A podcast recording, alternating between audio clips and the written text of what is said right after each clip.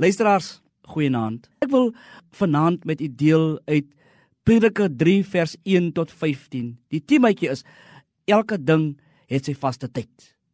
Elke ding sy vaste tyd. Elke ding het sy vaste tyd. Tyd en elke ding kry dus sterk klem in die Prediker boek. En veral Prediker 3.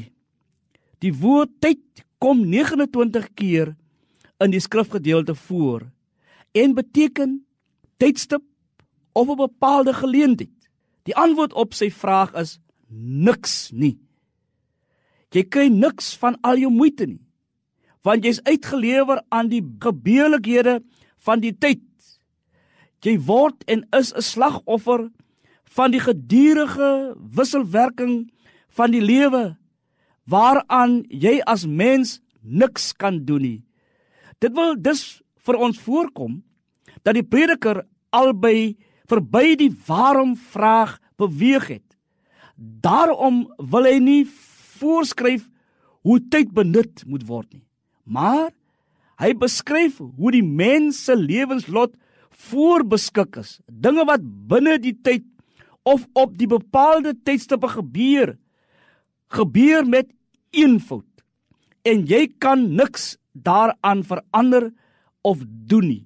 Jy is dus uitgelewer aan die meninglose sou iemand sê.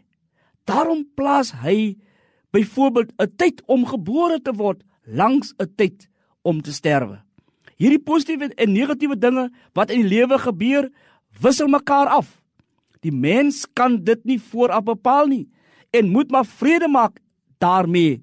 Jy is altyd oorgelewer aan die wisselwerking heen en weer 'n plan of 'n patroon is vir met alles uitgewerk, maar dit is God sin vir jou lewe. Liewe luisteraars, dit beteken aan die een kant dat ons moet erken dat ons moeilik die patrone van die hede kan gebruik om die toekoms te bepaal.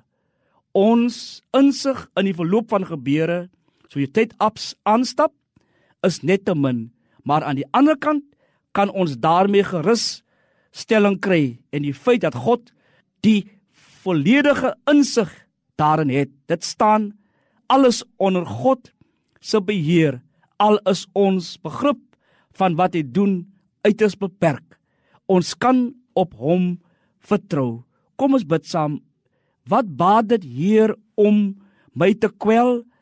As dit geen vrede bring nie by u is elke haar getel sal u lof nie sing nie. U wat die lelie laat ontvou en elke mossie onderhou u sal my nooit vergeet nie Here. Amen